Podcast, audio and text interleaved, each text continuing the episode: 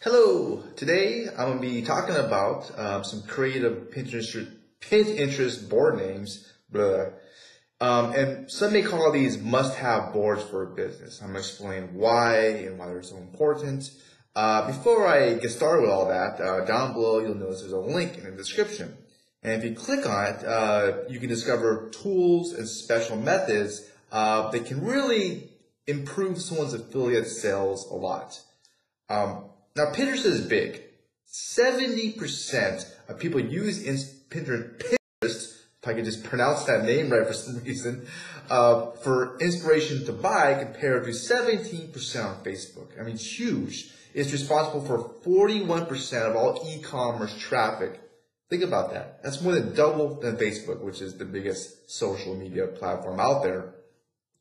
Now, I just created a brand new Pinterest account because my old one, I really didn't was I didn't think it was that good. And I've been going through some Udemy classes, watching a lot of YouTube videos, reading crap about how to improve it. And I came across that there's a, couple of boards that a business really should have that I didn't have. I didn't know about this. So I'm just sharing with you. Hopefully it can help you.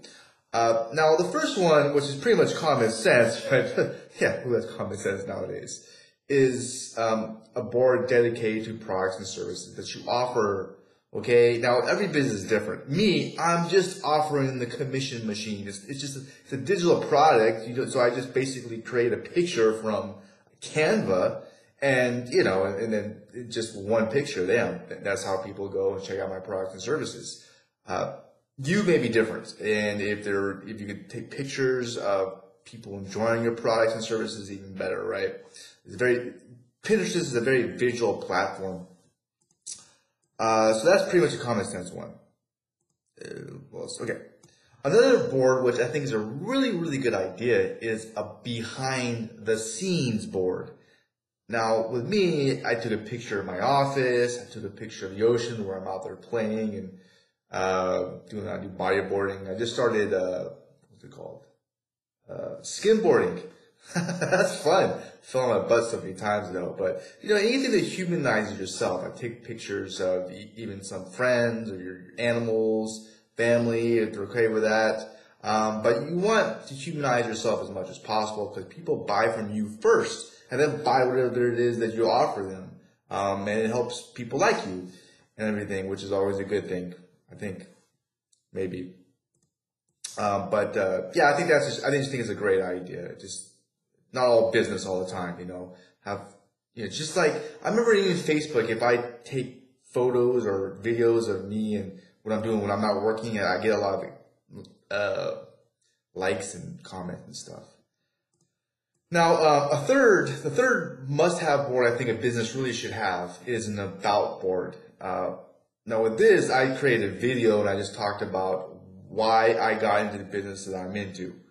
Uh, I talk about um, you know, what I do, and uh, most importantly, I take a step further, step farther, and talk about the impact the business that I'm in has impacted other people's lives. And I think that's a great idea for your own business. Uh, just take it a step farther. Uh, very importantly, you know, with that with that video and a lot of my pins, it's a good idea to have a call call to action in the description.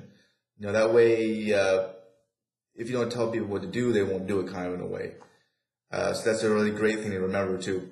And speaking of impacting people, a testimonials board I think is a great idea too. Uh, what I did is I just put the like little little little.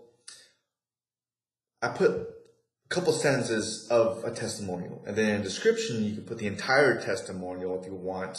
Uh, you can even do a call to action, uh, which is another great idea.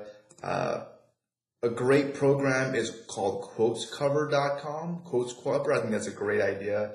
Uh, it's just very simple to use. Canva is a very popular program people use for creating images. They're free for Pinterest we like free, right? I don't like to pay much. I'm sure you don't. Um, but that's another great program that I found. Uh, let's see here. Uh, okay, another great board for business is a quotes board. Yeah, quotes. We all love quotes, like short little pieces of nuggets of knowledge in them. And um, if somebody repins that quote, then it can actually add more traffic uh, to your uh, your squeeze page or your e-commerce site or whatever. And yeah, everybody loves quotes. There, uh, now another, one last board, which you could have, which I don't, but you can, it's up to you, is a resources board. And that comes down to resources that has helped you. Uh, they may help other people, like maybe books you read, some online tools, some offline tools, whatever. But it's really your choice and what makes sense for your business on if that's a good idea or not.